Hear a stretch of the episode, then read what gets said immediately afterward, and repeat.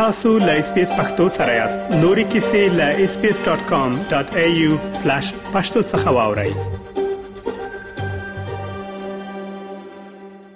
د اسپیس د پښتو خپرونې محترم اوریدونکو ستړي مشي رحیم الدین اوریا خیل یم له افغانستانه تاسو ته د افغانستان او سیمې د تیر یوې اونۍ مهمې پېښې په لنډو ټکو وړاندې کوم، هیله ده چې تر پایه مې ملتیا وکوئ. طالبانو د اونۍ په پیل کې البته د شنبې په ورځ په کابل کې داسې لوحې ولګولې چې پرې لیکل شوي د شریعت د حکم له مخې باید مسلمانه ښځه حجاب مراعت کړي. په دې لوحو کې د ښځو داسې تصویرونه ښکل شوي چې برقعه یا چادري یې اغوستې او په یو تصویر کې بیا ښځې تور ټیکري کې ځان نغښتی. یو شمېر افغانانو په تېره مېرمنو بیا د طالبانو دې سپارښتنو ته په غبرګون کې ویلي چې دغه ډله غواړي له دې لارې خلکو کې وېره خپره کړي. د طالبانو امر بالمعروف او نهی عن المنکر وزارت هم په کابل کې د دې لوحو ځای پر ځای کېدل تایید کړي دي. د دې وزارت ویاند ویلي، که څوک د دوی دا سپارښتنې ونه مني، مانا یې دا نه ده چې سزا به ورکول کېږي. یا به وهل ټکول کیږي بلکې د دې چارې هدف یې یوازې د شرعي قوانینو عملي کولو ته د ښځو هڅونه ده خو د یادونې ده چې په دې وروستیو کې د ښځو سفر، ویښتو بیتي کولو او د کالیو په دوکانونو کې د ولاړو نانځکو سرونه پرې کول په تړاو د یاد وزارت کارکوونکې لوري د خلکو په ژوند کې لاسوهنو ته افغانانو تند غبرګونونه څرګند کړي. د بشري حقونو فعالانو هم په دې وروستیو کې د ښځو پر کار او سفر په برخه کې د طالبانو بندیزونه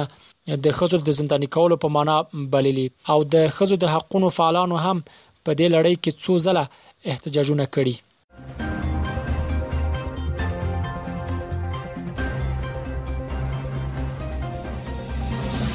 د افغانستان د پرځول شوی جمهوریت نظام د 50 سلنه څوکۍ ونډوال ډاکټر عبد الله عبد الله د تیرونې د سه شنبه په ورځ د افغانستان د سول لپاره د امریکا د بهرنیو چارو وزارت له ځانګړي استاذي ټام ویسټ سره ټلیفوني خبرې وکړې عبدالله عبدالله له دغه ټلیفوني خبرو وروسته پر خپل ټوئیټر پاڼه ولیکل چې د امریکا له استاذي ټام ویسټ سره خبرو کې د افغانستان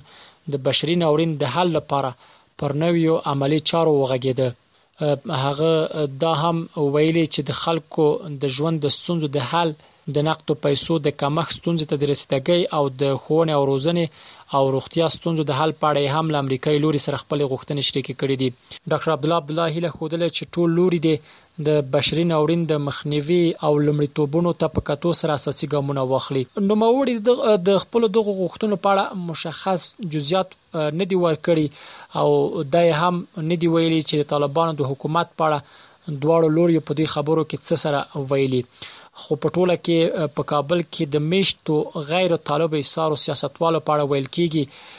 چې دوی طالبانو نظربند ساتلي او وضعیت یې هم چندانې ښه نه دی.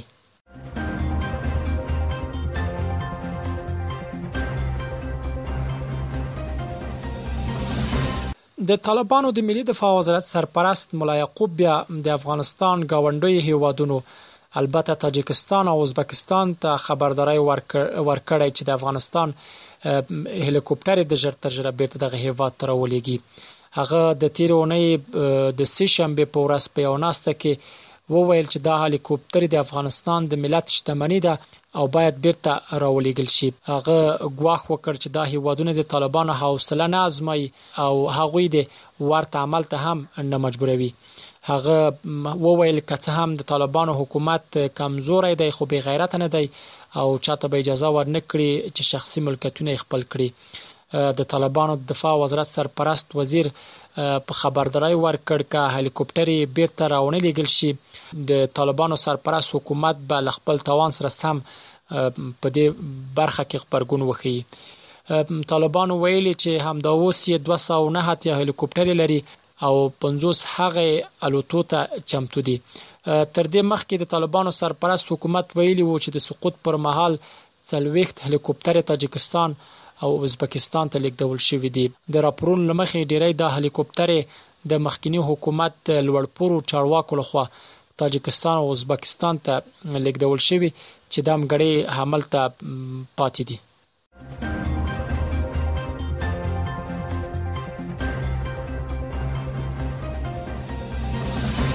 امریکا بیا په روان دوه زره او دوه ویشت کال کې افغانستان سره د درې سوه او اته میلیونه ډالرو بشري مرستو اعلان کړی دی. دغه هیواد ویلي چې دا اضافي بشري مرستې به د افغانانو لپاره د خوراکي توکو، روغتیايي اسانتیاوو او په ژمي کې د اړتیا وړ توکو برابرولو کې ولګول شي. دغه مرستې وروسته له هغه اعلان شوې چې ملګرو ملتونو په افغانستان کې د بشري کړکیچ د مخنیوي لپاره له نړیوالو هیوادونو د مرستو غوښتنه وکړه. د امریکا د نړیوالې پراختیایي ادارې یوساید لخوا په خبره شوې خبرپاڼه کې راغلي چې امریکا د افغانستان له خلکو سره مرستې ته ژمنه ده خو د دې لپاره چې دا مرستې اغیزمنې وي شرط دا دی چې ټول مرستندوی کارکونکي په ځانګړي توګه خزو ته باید اجازه ورکړي شي چې په خپل واکه او خوندي توګه کار وکړي او پرته له کوم خنډه د مرستې خزو او انجلون ته هم ورسیږي په ورته وخت کې د امریکا ولسمشر جو بایدن بیا ویلي چې هیواد یې په مستقیم ډول افغانانو ته د مرستو رسول جاري ساتي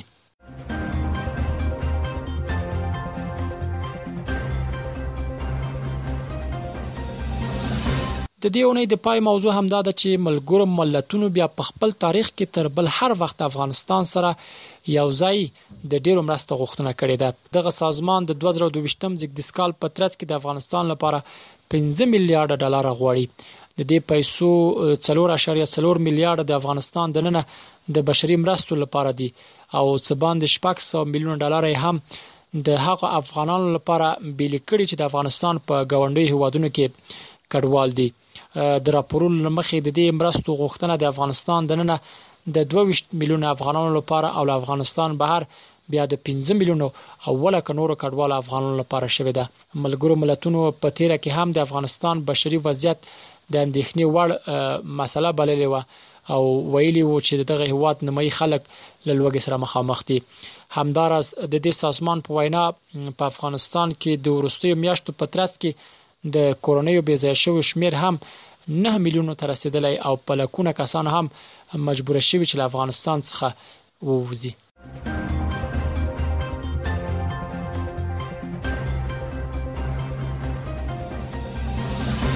دا ول د تیرې یوې اونۍ د افغانستان او سیمې مهمې پیښې چې ما تاسو ته وړاندې کړې تر بیا ښې چارې.